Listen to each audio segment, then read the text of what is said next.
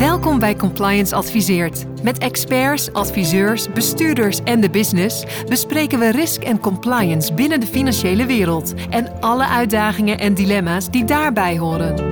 In deze aflevering vertelt oprichter Erik Rijzenweber hoe hij de podcast startte, wat hij heeft geleerd van de bijna 100 interviews en waarom hij het tijd vindt voor een nieuwe uitdaging.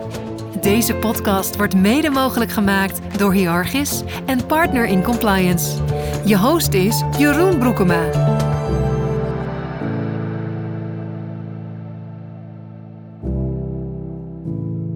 Welkom luisteraars bij een nieuwe aflevering van Compliance Adviseert. Deze aflevering is een hele, hele bijzondere voor mij. En ik weet zeker dat die net zo bijzonder zal zijn voor mijn gast, Erik Rijzenweber. Ja, Erik, welkom bij de podcast. Ja, dankjewel dat ik hier mag zijn. Hartstikke leuk en bijzonder, want jij bent altijd degene die natuurlijk de mensen interviewt. En Heel- vandaag zijn de rollen omgedraaid. Heel onwennig. Heel, heel onwennig. Nou, het zal denk ik best snel gaan wennen, behalve dan dat jij veel meer zal praten dan ik. Dat zal een groot verschil zijn. En misschien ook onwennig, omdat natuurlijk deze podcast, de podcast is, was, die jij hebt opgezet. Nou, daar wil ik heel veel meer over leren vandaag. Maar ik wil ook heel graag jou leren kennen. En wat is er nou beter dan de standaardvraag te stellen? Zou je jezelf eens willen voorstellen? Erik Rijsselmeber, ik ben 53 jaar, ik woon in de beeld. Ik ben getrouwd, heb vier kinderen. Ik werk bij het AMLC nu, het Anti-Money Laundering Center. Ja, hoe is dat zo gekomen ook? Hè? Dat, eh, ik denk dat dat het belangrijkste is nu op dit moment. Precies, dat is mooi, want eh, ik, ik realiseerde mij net dat het AMLC dus ook in jouw woonplaats is. Absoluut. Ik eh, eh, loop er in ongeveer 20 minuutjes naartoe. Ja. En eh, we hadden samen wat, wat nagedacht over, over wat inhoud van deze podcast. En een van de dingen die je had opgeschreven is dat je groot wielrenfan bent. Klopt dat? Aha, ja. Ja? is zoveel mogelijk. Ja. Ja? Je fietst veel? Ehm, ik haal in het hoogseizoen twee- 200, 250 kilometer per week. Dat is redelijk wat. Dat doet niet Dat is vrij serieus, ja. Ja, ja. Ja? Maar dan moet ik wel zeggen, naarmate ik wat ouder word, eh, begint het ook wel langer te duren voordat ik herstel. Dus ik moet een beetje goed inschatten wat ik nog aan kan. Ja. Wat is er zo leuk aan? Ehm, op eigen kracht een heel groot deel van Nederland verkennen wat ik eh, op een andere manier nooit zou zien. Eh, mezelf ook uitdagen. Gewoon heerlijk op duur door kunnen gaan. Onderweg van alles meemaken eigenlijk. Ik voel me er gezond bij. Perfect. Leuk, wat leuk. En je zei dus dat je eh, vier kinderen hebt volgens mij? Ja, Vier kinderen. En dat zijn ook allemaal sporters? Ook allemaal wielrenners of voetballers of tennissers of ze zeggen wel eens over opvoeden. Je moet het voorleven en dan nemen ze het over. Nou, bij mij is dat nog niet gelukt. Dus ze sporten wel? Eh, nauwelijks. Nou, mijn jongste negen jaar, die eh, is wel redelijk fanatiek eigenlijk toch. Ja, die zit nu ook op atletiek. Die zat op voetbal. Ik coachte hem daar ook. Hij doet ook aan freerunnen. Ik zeg altijd, ga je weer gratis rennen? hij snapt de grap zelfs in het Engels. Ehm, dus ja, het is eh, bij hem misschien wel enigszins overgekomen. Ja. Ja. en podcasten, doen, doen, doen ze dat bij jou in het gezin of niet? Nou, Podcast luisteren? Ehm, luisteren. Nou, mijn vrouw wel. Die luistert redelijk fanatiek. Niet naar mijn podcasts, maar wel allerlei andere podcasts. En dat is toch gewoon ook altijd leuk om iets te kunnen vinden wat echt bij je interesse past. Mijn zoontje van negen, die heb ik ook een keer de microfoon voor snuffert gezet. En die heeft een paar keer eh, de Moppen-podcast eh, ingesproken. Oh, wat grappig. Die kunnen we nog online vinden? Of, eh, ja hoor, die is te vinden. wat De goed. Mopcast heet De die. Mopcast, oh, die is wel sterk. Nou, dat zal ik, eh, zal ik naar linken in de show notes als je dat wil. hey, over jouw loopbaan, hè? Best een diverse loopbaan. Kan je, kan je ons er een beetje doorheen nemen wat verschillende dingen je allemaal hebt, eh, hebt gedaan? Juist. Nou, dat gaat natuurlijk al best wel ver terug. Dus dan krijg je ook wel veel verschillende dingen misschien. Ik heb inderdaad niet echt één spoor gekozen. Ik ben begonnen in marktonderzoek.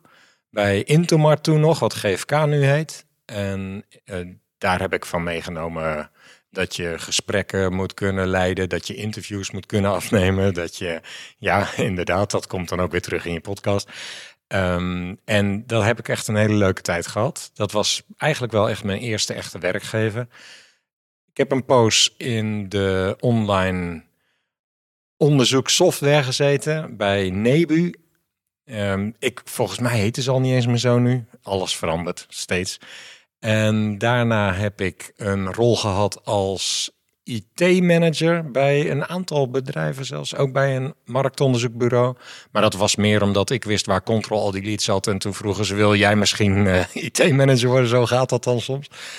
En daar, um, vanuit die partij heb ik de overstap gemaakt naar Buckaroo, want daar ben ik begonnen als manager IT.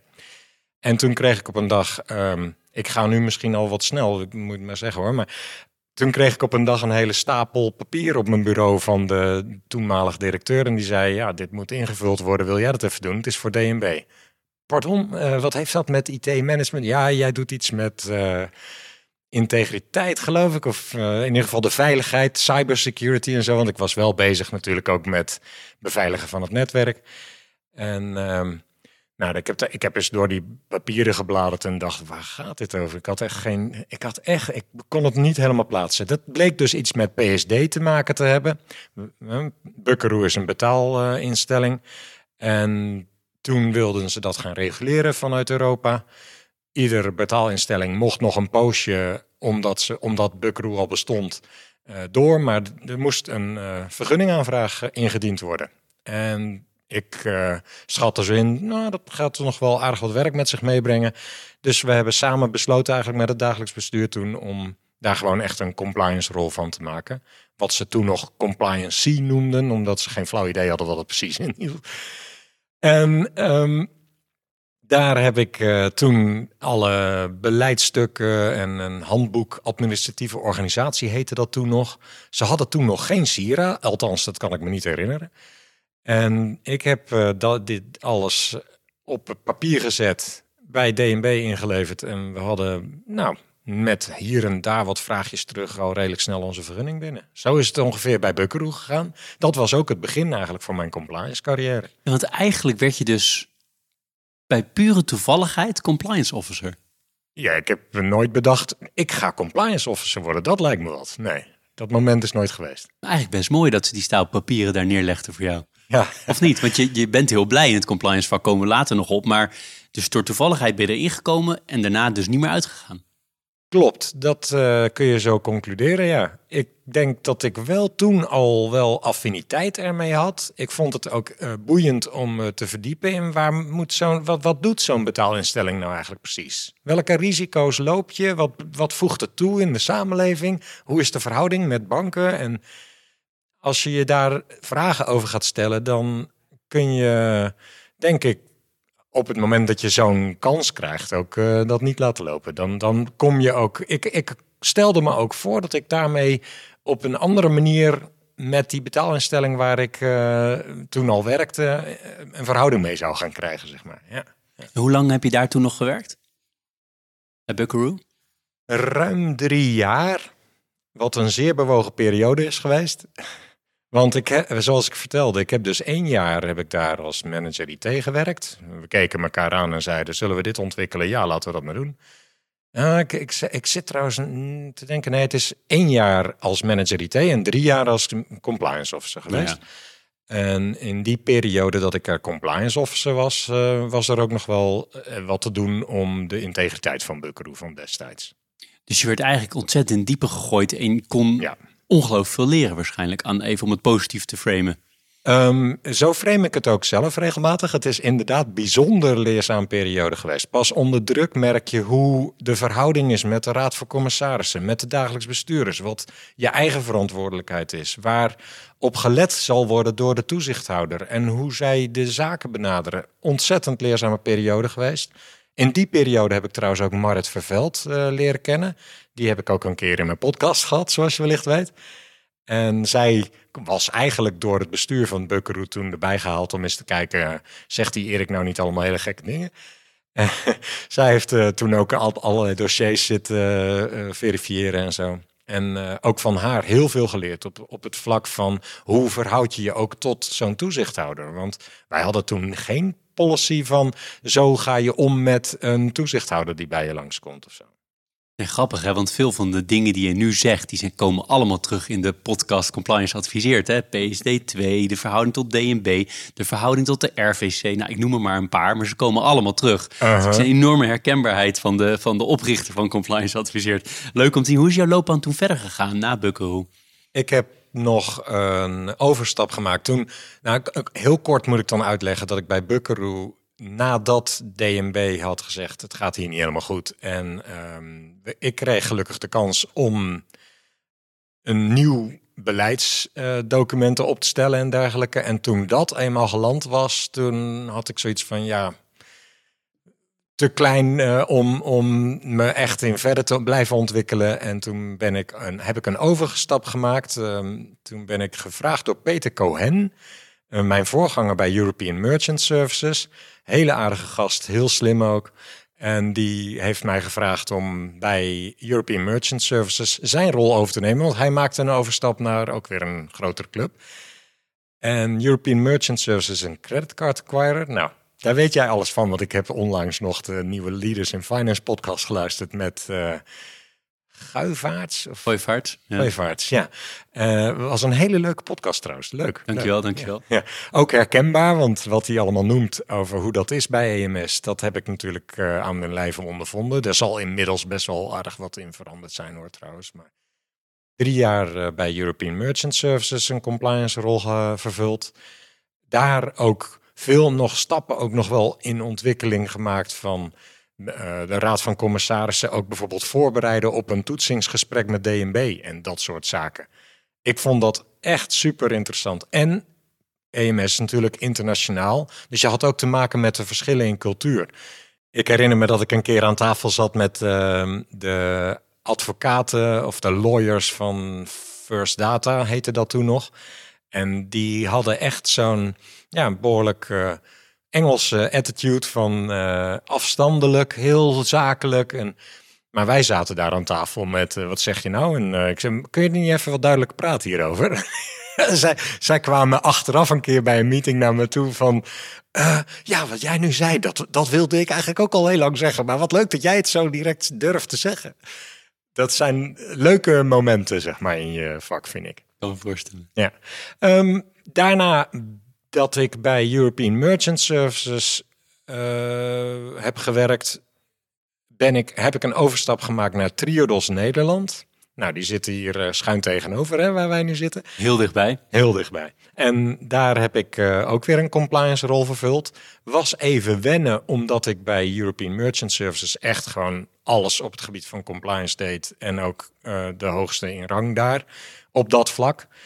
En bij Triodos, ja, veel grotere organisatie. Um, veel, heel andere wereld weer. En ook vond ik interessant een bankaire wereld. Dus bij een betaalinstelling heb je eigenlijk alleen maar te maken met midden- en klein bedrijf of ja, betaaldienstverlening. Uh, Triodos biedt andere financiële diensten en heeft andere type klanten. Ook weer uh, van alles geleerd. Ik had daarvoor natuurlijk al wel, omdat First Data en ABN de aandeelhouders zijn van EMS, had ik ook al wel veel in de bankenwereld, met name bij ABN binnengezien. Ook uh, vond, vond ik interessant.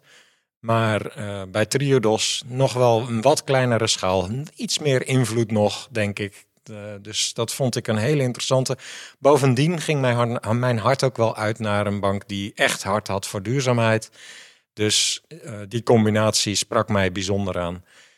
En nou ja, nog, daar, nog drie jaar later kwam er een um, vacature bij het AMLC voorbij. En daar heb ik gesolliciteerd omdat ik dacht, ik vond het fantastisch, die compliance tijd. Maar dan uh, ja, eigenlijk behartig je alleen de belangen van zo'n financiële instelling. Maar ik uh, vind het ook wel nuttig om wat voor uh, breder de samenleving te doen. En witwasbestrijding is daarin, vind ik. Ja, het is natuurlijk nog steeds maar een klein deel van wat je kan doen aan de samenleving. Maar dat is in ieder geval iets wat ik kan doen. Dus ja, bij het AMLC uh, probeer ik dat nu rond anderhalf jaar al goed vorm te geven. Ja, want wat is precies je functietitel bij het AMLC? Ik ben AML-specialist. En wat valt er allemaal onder? Ja, nou ja, ik denk dat er ook wel een beetje defensief voor zo'n naam gekozen is, omdat we best wel breed inzetbaar dienen te zijn. We willen niemand vooraf al uh, opleggen dat is jouw vakgebied en nu doe je alleen nog maar dat. Dus AML-specialist wil eigenlijk zeggen dat je je interesseert voor alles wat met witwassen te maken heeft. Dat is echt nog heel breed. We richten ons op verschillende witwasmethodieken. Gewoon puur op wat voor manier wordt nou witgewassen? Wat weten we daarover? Dus ehm, ik heb vooral de expertise betaalinstellingen en crypto-wereld, virtuele valuta.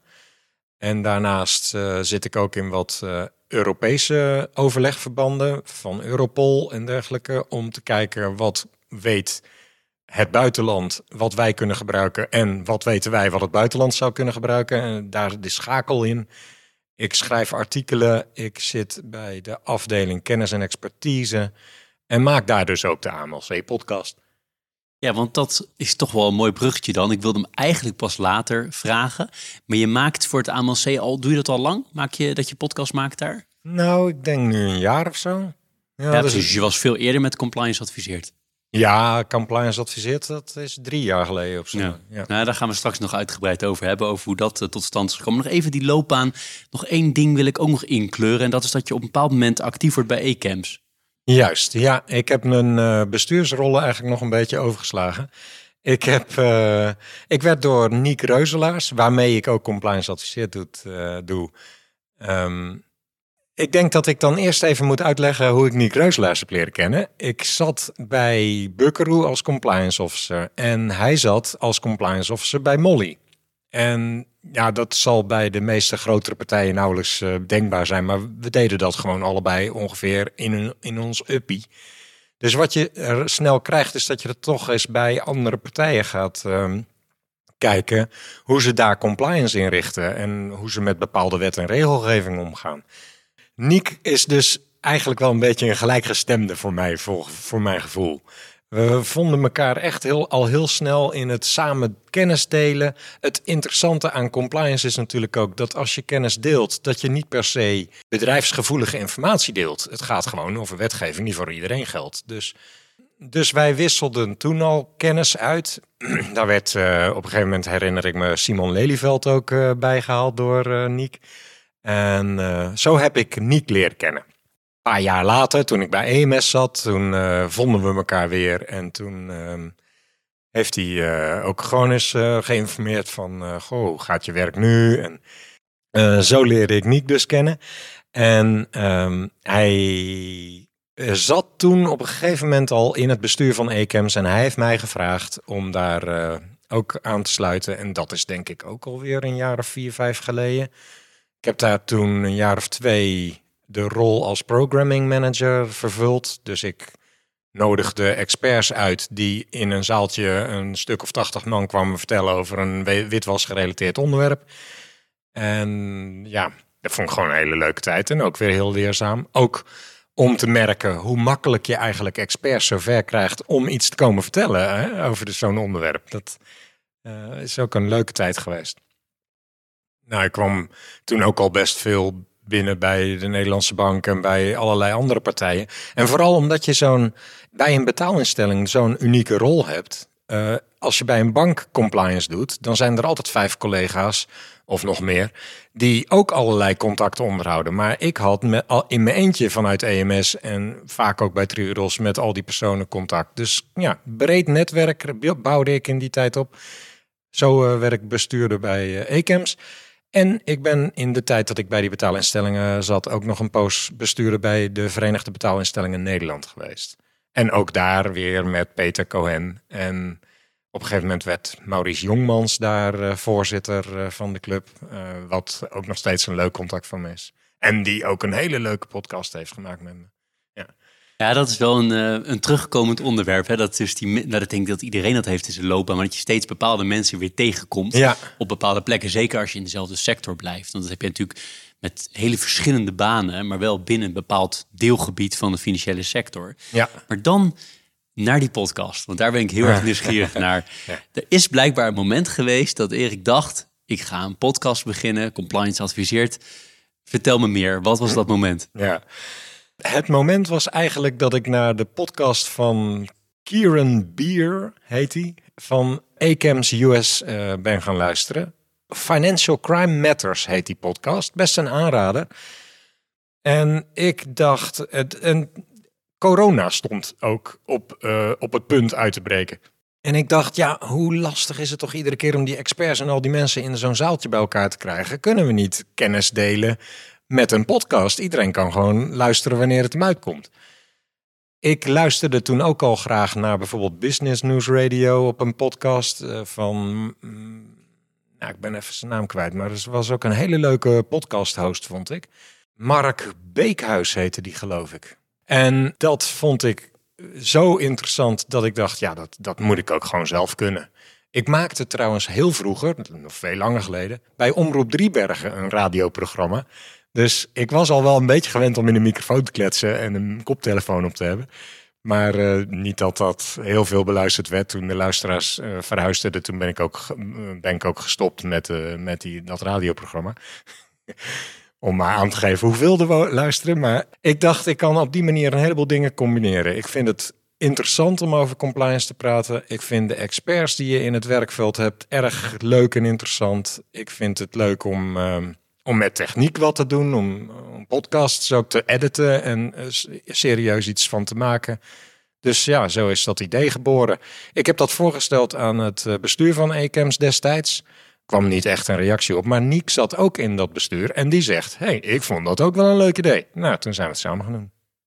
En toen was die er heel snel? Of hebben jullie heel lang over gedaan om het concept eh, helder te krijgen? Nou, ik denk dat ik. eh, ja, we hebben er een keer een leuke sessie aan gewijd in een restaurantje ergens eh, langs de snelweg, geloof ik. eh, waar we nadachten over wat willen we dan precies bereiken. En we hebben toen heel nadrukkelijk gezegd: we willen het over het hele compliance werkveld hebben, maar dan wel voor financiële instellingen. Dat is wat, waar wij vandaan komen. In Nederland. Het moest ook in Nederlands zijn, dus ik heb zo nu en dan wel een Engelse gemaakt, maar eh, ik richt me op de Nederlandse compliance specialist eh, in specialist. Dan praat ik nog Engels ook, dat is heel raar natuurlijk. ik richt me op de Nederlandse compliance professional in de financiële sector. Maar ik wil wel een duidelijker beeld geven van wat dat hele compliance veld inhoudt. Want alleen eh, een specifiek onderwerp vond ik te, te benauwd, te krap. Ja, en toen op 2 februari 2020, als ik het goed heb, kwam de eerste podcast uit is met waar, Remco Boer, Ja, klopt. de voormalig compliance manager van Molly. Ja, ja. ja En was dat meteen een succes? Kreeg je meteen leuke reacties of bleef het stil? Nou, ehm, die podcast, daar heb ik nog best wel wat leuke reacties op gehad, inderdaad. En vooral Remco, die kon gewoon heel goed eh, vertellen en was een perfecte eerste gast. Uitgenodigd door Niek, want Niek had van bij Molly met hem samengewerkt natuurlijk. Ik kende Remco trouwens ook al wel, dus het was makkelijk om met hem die eerste te maken. Ik voelde me daar wel bij thuis. Ehm, en ik herinner me dat, eh, dat ik eigenlijk in de loop van de tijd.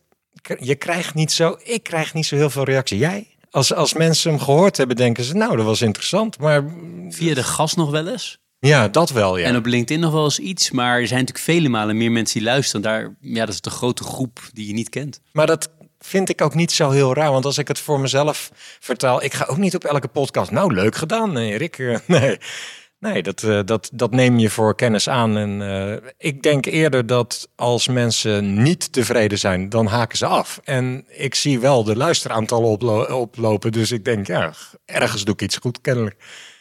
En toen ben je doorgegaan en je ben je toen gaan uitnodigen uit je eigen netwerk? Of hoe, hoe kwam dat tot stand, die, die allereerste gasten?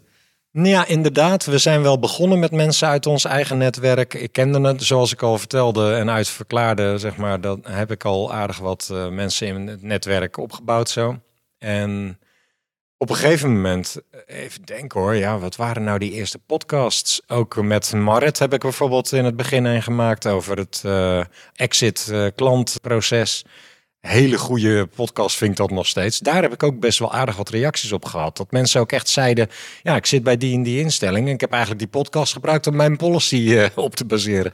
Zo, zo ver ging het. Ja, dat is leuk om terug te horen natuurlijk. Ja, dat En- lijkt me fantastisch om terug te krijgen. Ja. Want dan heb je dus echt impact. Maar laten we wel wezen, het, de waarde van die podcast zit hem door de inhoud van die experts. Hè? Dus, Oké, maar je brengt ze bij elkaar. Ik ben de facilitator. Ja, Ja. ja, ja. Zo- Ja. Als ik dan aan witwassen denk, moet ik niet te veel aan Niet facilitator. zo'n facilitator, Nee. maar wel een, een, een facilitator van deze mensen aan tafel krijgen en hun verhaal te laten doen. En soms ook met elkaar in gesprek te gaan. Ja. Want ondertussen, even fast forward, hè, bijna drie jaar later, heb jij gewoon meer dan 100 opnames gemaakt. Komende vrijdag, we spreken nu, eh, wanneer is het, hoeveel is het, 17 oktober. Komende vrijdag komt de honderdste online. Ah, kijk, de 100, Ja. oh, dat is bijzonder. Ik Ja. dacht dat er al meer dan 100 waren. Maar goed, laten we zeggen, je hebt er bijna 100 gemaakt. Als deze uitkomt, heb je er 100 gemaakt. Ja. Wat zijn je ervaringen? Het is natuurlijk een ontzettend moeilijke vraag. Maar wat is je bijgebleven? Wat zijn, wat zijn, wat zijn de rode draden? Wat, wat kan je met ons delen over die enorme schat aan tijd die je met al deze mensen hebt doorgebracht?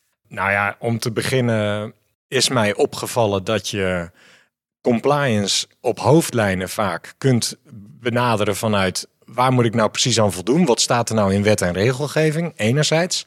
En anderzijds, hoe ben ik nou integer? En als het goed is, gaat dat hand in hand natuurlijk. Maar ik heb een flink aantal podcasts ook puur over gedrag en cultuur mogen maken met experts in, op dat gebied. Zoals eh, bijvoorbeeld eh, meneer Karsing van eh Nijenrode en ja, nog, nog een aantal.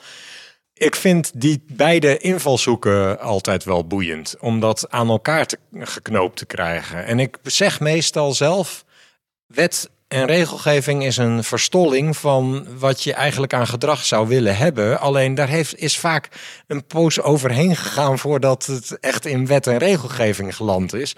Maar zorg nou dat je het meer benadert vanuit de vraag: wat vind ik nou eigenlijk kunnen? Wat, wat, wat we aan het doen zijn. Is dat nou voor alle belanghebbenden het beste wat je kunt, eh, kunt krijgen? Dat is eh, denk ik eh, een heel belangrijk uitgangspunt. Ja. Wat ik verder een interessante vond, was dat. ehm, wat ik ook heel erg leuk vond, maar dat heb ik net al eerder gezegd. Die experts vinden het ook echt leuk om mee te werken. Sterker nog, ik werd op een gegeven moment eh, ook benaderd. eh, na een jaar of zo kwamen er al mensen naar je toe van... zou ik ook in je podcast dit en dat kunnen vertellen? Doet mij ook altijd wel een beetje denken welk belang heeft iemand erbij. Maar laten we eerlijk wezen, bijna alle experts die in de podcast waren... hebben er zelf ook een beetje belang bij. Geen enkel probleem. Dat, eh, zolang ze inhoudelijk eh, interessante informatie delen, heb ik daar geen bezwaar tegen. Ja, dus, nee, dus dat zijn een beetje de, de dingen. Je zegt, het, Ja, het mis vak is nog nog veel breder dan ik dacht. Je zegt het duidelijke onderscheid wat je maakt tussen wet en regelgeving, daaraan voldoen. En tegelijkertijd gewoon vanuit integriteit denken van wat vind ik dat kan. Hè? Mhm. En het laatste punt ging over de, de experts. Dat je dus allerlei soorten experts, maar er ook steeds meer experts kwamen die zichzelf aanmelden. ja, ja. Dus dat, dat was interessant. En dan nog andere dingen? Ehm, nou, wat ik ook wel gemerkt heb, is dat eh, juristen die, nou ja, weet je, dan wil ik eigenlijk ook een beetje hebben over een aantal specifieke momenten die leuk. leuk waren om. eh, Hartstikke leuk. ja. Ja. Ehm, bijvoorbeeld, wat de voorbereiding van die verschillende experts is, dat krijg je natuurlijk ook mee. Dus ik heb in het begin dacht ik, nou, zo, zo werkt het ongeveer. Na een stuk of vier, vijf podcasts dacht ik het al ongeveer wel te weten hoe het hoe de expert zich voorbereidt, wat hij nodig heeft om goed te kunnen performen, zal ik maar zeggen. En dan komt er ineens iemand die gewoon het hele script al uitgeschreven heeft. Of in ieder geval alle antwoorden die ik vooraf ge- gedeeld had op, op vragen, die had hij al helemaal uitgeschreven. En ik denk, oh jee, dan krijgen we straks echt gewoon een voorleesverhaaltje. Dat, dat is niet mijn bedoeling geweest. Want nou, dat is denk ik ook wel belangrijk. Ik ben ervan overtuigd dat het een interessant onderwerp is. Ik vind het zelf in ieder geval interessant. En ik heb me altijd gericht op wat vind ik zelf leuk. Nou, dan vindt een ander het misschien ook waardig om te horen. Uh, maar ik vind het ook belangrijk dat het nog steeds een beetje het menselijke blijft behouden. Dat het niet heel droog alleen maar materiaal over de schutting gooien is. Maar dat je iets gaat voelen ook voor zo'n expert. Want dat zijn gewoon hele aardige mensen. En dat, ik heb met veel van die experts ook echt leuk contact. Ook vaak achteraf nog. Dat vind ik ook erg leuk eraan. En uh, uh, wat ik ook merkte, die jurist die dus volledig alles helemaal uitgeschreven had vooraf, Die legde na één of twee antwoorden als briefje weg van, nou, kom maar dan. En bleek er ook helemaal in te zitten. En dat is ook de kunst van een leuk verhaal uh, maken voor zo'n podcast. Dat je echt in zo'n gesprek zit. Dat je alsof je met elkaar aan tafel gewoon een gesprek zit te voeren. en er toevallig een microfoon bij staat. Ja, dat vind ik leuk. Ja, ik kan me voorstellen, overigens ook een van de meest genoemde dingen in onderzoeken, hè, waarom mensen podcast mooi vinden. Omdat ze precies wat jij zegt, er zit iemand naast je, hè, je zit erbij, je mag niks zeggen. Maar je bent er wel helemaal bij. Alsof je, je weet vaak nog waar je was zelfs, terwijl je dat gesprek luisterde. Ja. Dat is mooi aan podcast. Ja. Maar goed, we hebben allebei een voorliefde voor podcast. Dus uh, leuk. En zijn er nog ook nog dingen gebeurd bij al die nou bijna honderd afleveringen... waar je echt nou ja, waar je aan terugdenkt van... oh god, dat is echt gênant dat ik dat gevraagd heb... of wat er iets misgegaan is of anderszins? Uh, mag ik dat niet vragen? Jawel, natuurlijk. Um, ik um, moet nog even bij deze mijn... Uh, excuses aanbieden aan David Zwarts. Oh, vertel. Nou, die heeft uh, heel bereidwillig uh, een hele mooie podcast met me opgenomen. Al waren het niet dat de, de, de computer was vastgelopen vlak na drie seconden of zo al. Dus hij is bereidwillig geweest om die hele podcast diezelfde dag nog meteen helemaal opnieuw in te spreken met me. En dat is alsnog een van de best beluisterde podcasts geworden. En dat, uh, dat vond ik wel een uh, pijnlijk, maar ook wel weer een heel erg leuk moment. Toen verschrikkelijk en nu waarschijnlijk kan je er enigszins ja, om lachen. En ja. heel fijn dat hij dat deed. Dus, uh, ja, heel waardevol. Ja, en ook David is nog steeds ook, heb ik nog regelmatig contact mee, dus leuk. leuk. En wat ik ook heel mooi vond, was dat Remy Jansen van de Nederlandse Bank mee wilde werken aan mijn podcast. En dat is ook echt een hele interessante geworden, vol met informatie die ik ja, ook niet zelf kon aanzien komen wat hij allemaal ging vertellen. Carolyn Gardner van de European Banking Authority vind ik echt. Ik, als ik de luistercijfers vergelijk, ik vind dat die te weinig beluisterd is. Die moet echt meer beluisterd, want het is zo'n mooi verhaal van haar. En ook een ontzettend warme persoonlijkheid, vond ik trouwens. Niet onbelangrijk, hè? Greetje Bos en Peter van Leusden was een hele leuke podcast. Die ging echt over uh, ja, het witwassen en het drugscriminaliteit. Uh, meer een opinierende podcast wellicht dan uh, echt feitelijk zo moet ik mijn vak invullen. Maar ik ben er ook langzamerhand, dat is ook een inzicht wat ik gedurende de opnames kreeg, achtergekomen dat je niet alleen je moet verdiepen in waar moet ik nou precies aan voldoen en op wat voor manier moet ik dat dan invoeren als compliance professional. Die context, waar ben ik nou eigenlijk precies mee bezig, is ook extreem belangrijk. Wat gebeurt er in de samenleving waar ik mee te maken heb als compliance professional bij een financiële instelling en hoe moet ik me daartoe verhouden? En dan zijn zulke podcasts, vind ik ook weer uh, fascinerend. Evert uh, Houtman, uh, head of delegation van de FATF voor Nederlands ministerie van Financiën, was ook echt een hele geweldige podcast. Ik ben heel blij dat ik daar bij het ministerie gewoon een apparatuur neer mocht zetten. En zat iemand van communicatie bij, die zat zo echt van, uh, ja, wat uh, gaat hij, hij gaat toch niet de moeilijke vragen stellen. Dat was ook trouwens iets wat ik vaak merk, is dat je mensen ook over de streep krijgt door aan te geven, ik ben geen onderzoeksjournalist. Hè? Ik wil gewoon interessante podcasts maken. Maar als je iets te verbergen hebt, ja, ik kom er waarschijnlijk toch niet eens achter. En ik wil gewoon goede informatie voor een compliance professional. En ja, ik denk dat dat wel. Uh, ja, de educatie gaat duidelijk boven het journalistieke. Het gaat er echt om te leren, toch? Ja. ja. Tenminste, ik heb denk ik van die uh, bijna 100 heb ik er nu iets van 15 beluisterd. En uh, ja, er zitten hele, hele interessante verhalen bij. Heel, heel boeiend, ontzettend divers ook. Dat vind ik zelf ook wel leuk. Hele verschillende onderwerpen waar je misschien zelf niet snel mee te, mee te maken hebt. En toch heel, heel nuttig kan zijn. Mm -hmm. En je hebt ze niet allemaal zelf opgenomen. Nee. Je bent niet altijd hetzelfde interviewer geweest. Want je, hebt, je had het eerder over Niek. Daar heb je het een beetje ja. mede mee opgezet, denk ja. ik. Nou, dan is nu het moment aangekomen dat ik erbij kan vertellen. Na een jaar ongeveer.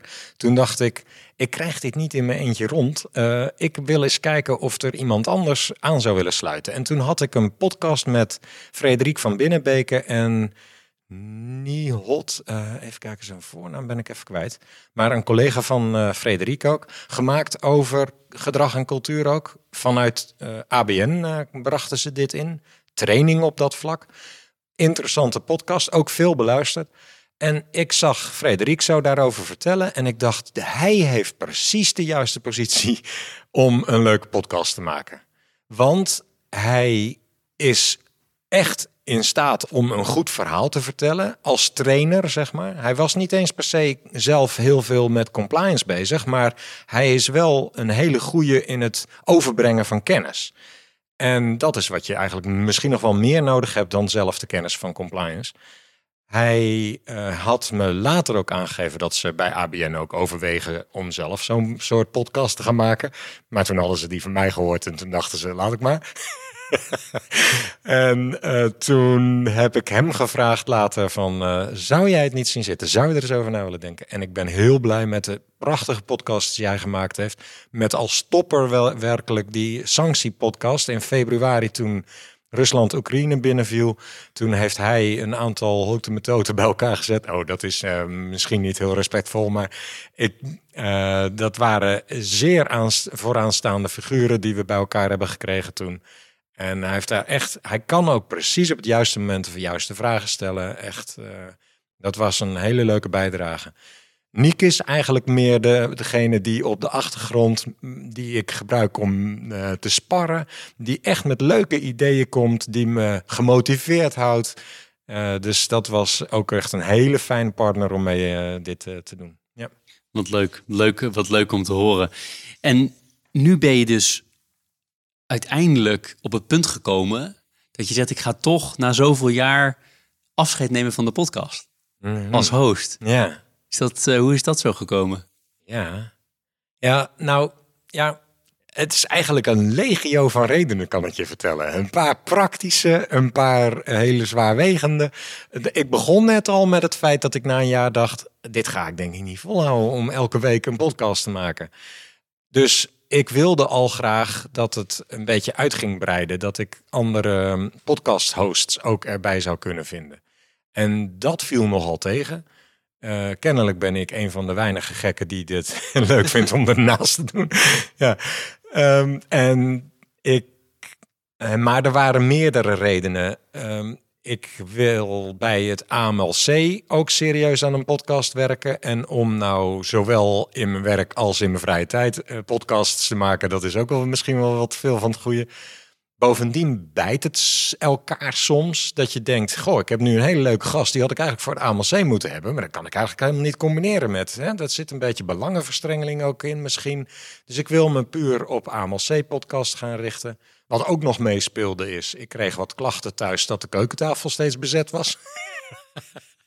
Want ja, ik heb geen studio of zo natuurlijk. Dus dat uh, heeft allemaal wel meegespeeld in, in het feit dat ik dacht: ja ik moet hier een punt achter gaan zetten. En eigenlijk, ja, ongeveer in die tijd vonden wij ook elkaar. En ja, ik weet ook eigenlijk niet meer precies. Heb ik jou nou benaderd? Ik dacht het. Of heb jij mij benaderd? Ik moet je eerst zeggen, ik weet het ook niet. Ik weet wel, wat ik heel goed weet, dat wij een hele leuke lunch hadden destijds. Ja, ja. Maar veel verder dan dat gaat mijn geheugen niet, uh, moet ik eerlijk zeggen. Nee, ik, vond, ik denk dat ik jou benaderde om gewoon eens te vragen hoe jij dat nou doet. Want je doet het allemaal zo goed. en uh, wat, uh, wat inspiratie of wat ervaringen uitdelen, uitwisselen. Dat is eigenlijk de eerste aanzet geweest om eens contact met elkaar te hebben. En ik vond het ook een heel leuk gesprek. En ook zo leuk om heel veel herkenning over hoe het is om podcasts te maken natuurlijk. Ja. Ja, absoluut. Nou ja, wat ik, wat ik leuk vind, en dat, dat, dat weet je al lang, maar nu ook even voor de luisteraar dan, is dat wij dit concept gewoon heel erg leuk vinden. En vanuit Leaders in Finance blijft het gewoon helemaal compliance adviseerd. We blijven dezelfde, dezelfde soort gasten uitnodigen. Dus uh, het logo blijft bestaan, alles blijft bestaan. Dus eigenlijk zetten we jouw werk gewoon voort. Mm -hmm. En zullen ongetwijfeld andere accenten leggen en hier en daar eens wat andere, andere dingetjes Helemaal doen. Aan jullie. Maar in de kern uh, blijft dat. Dus dat, dat, nou ja, ik denk dat jij dat ook voor jou ook leuk is. Dat jou, het is jouw baby, jij bent het gestart. Dat wij het, uh, dat wij het mogen verder dragen, weer, weer een stapje, stapje voorwaarts. Dus, ja, uh, nou, ik zal denk ik wel blijven luisteren ook. Ja, leuk. Ja, dat hoop ik. Ik, ik. ik gok dat jij een van die luisteraars bent die dan wel met feedback komt. Van Jeroen, wat heb je daar nog gevraagd? Ik weet hoe het voelt om aan deze kant te zitten. Ja, ja. Ja. ja, ik weet ook zeker dat jij degene bent die nog eens wat, uh, wat tips zal geven alleen over wie we zouden moeten kritiek. uitnodigen. Alleen opbouwende kritiek. Ja, ja en aan mensen waarschijnlijk ook. Uh, dus uh, nee, hartstikke, hartstikke ja. leuk. Ja. Ik, ik wilde met jou nog een paar dingen doen. De eerste is, jij hebt dat grappige element in jouw podcast waarin je vraagt, wat is het advies? Hè, wat zei je tip? Wat adviseer jij als compliance man? Nou, bij deze de vraag aan jou. Wat adviseer jij? Ik zou adviseren om goed de mens te leren kennen. Kijk naar het gedrag en wat, wat motiveert mensen. En je krijgt dan, en dat voor de verschillende stakeholders die om je heen zijn. Want in principe breng je daarmee. Jij doet dat trouwens in Leaders of Finance ook vaak. Hè? Dan vraag je jouw gasten: wat, wie zijn jouw stakeholders? Daar maak je redelijk snel, krijg je in kaart waar je allemaal rekening mee moet houden als compliance professional. En dus ja, je overvalt me wel enigszins met die vraag. Die had ik eigenlijk niet aan zien komen. Omdat Toch raar, want je hebt hem honderd keer gesteld, ja, ik. ja, ja, maar ja, wie vraagt mij dat nou? ik, ik ben natuurlijk eigenlijk meer podcast host dan echte compliance professional in, Eh, in wat serie. adviseer je iemand die een podcast wil beginnen?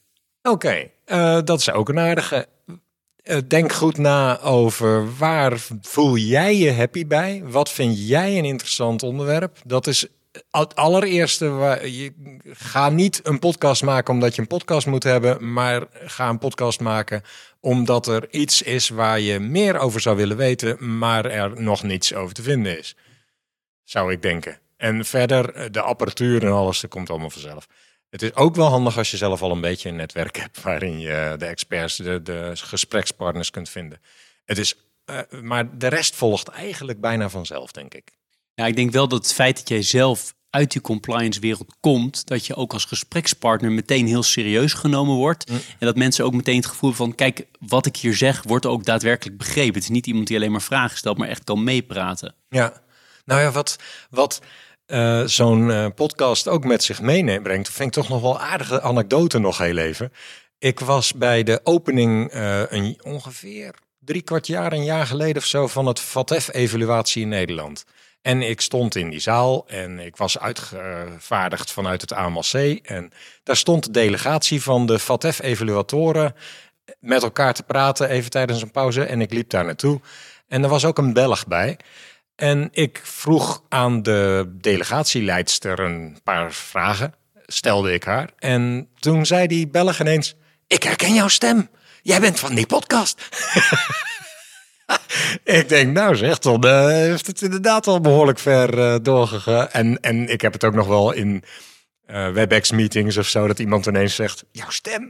Wat grappig, wat Ja. mooi. dus eh, dat Waarschijnlijk is herkennen meer mensen jou op basis van je stem Ja. dan op basis van je uiterlijke. bij jouw congres vorige week, of twee weken geleden, bij, in dat Leaders in Finance AML-congres. Toen ze, kwamen ook een aantal mensen naar me toe. Ik herkende je stem. Ja, dat is wel grappig natuurlijk. Ja, dat is wel mooi. Ja, je hebt ook wel een unieke stem. En die, iedereen heeft een unieke stem. Maar jouw stem valt denk ik ook wel op. Als je hem een keer gehoord hebt, is net weer... Ja, nee, nogmaals, iedereen heeft een unieke stem, maar hij valt op. Een van mijn gasten zei een keer, ja, voordat we beginnen, ik moest van mijn vrouw zeggen dat ze graag naar je stem luistert. dat is toch wel Oh, dat is wel mooi, ja. Ja, ja, ja. Wat goed.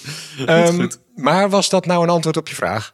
Nou ja, ik geloof wel wat adviseer je. Maar het is leuk, leuk wat je dus... eh, Volgens mij aan de inhoudelijke kant zeg je eigenlijk... Het punt wat je eerder ook maakte. Namelijk, kijk niet alleen naar de implementatie van wet en regelgeving. Is hartstikke belangrijk. Maar kijk ook naar de gedragscomponenten van compliance. Dat is volgens mij Zeker. je punt op, op dat. Even mijn samenvatting. Ehm, en aan de, aan de kant van het starten van een podcast... is volgens mij jouw kernpunt... doe het echt omdat je het zelf wel interessant vindt. Nogmaals, mijn woorden wederom. Ja.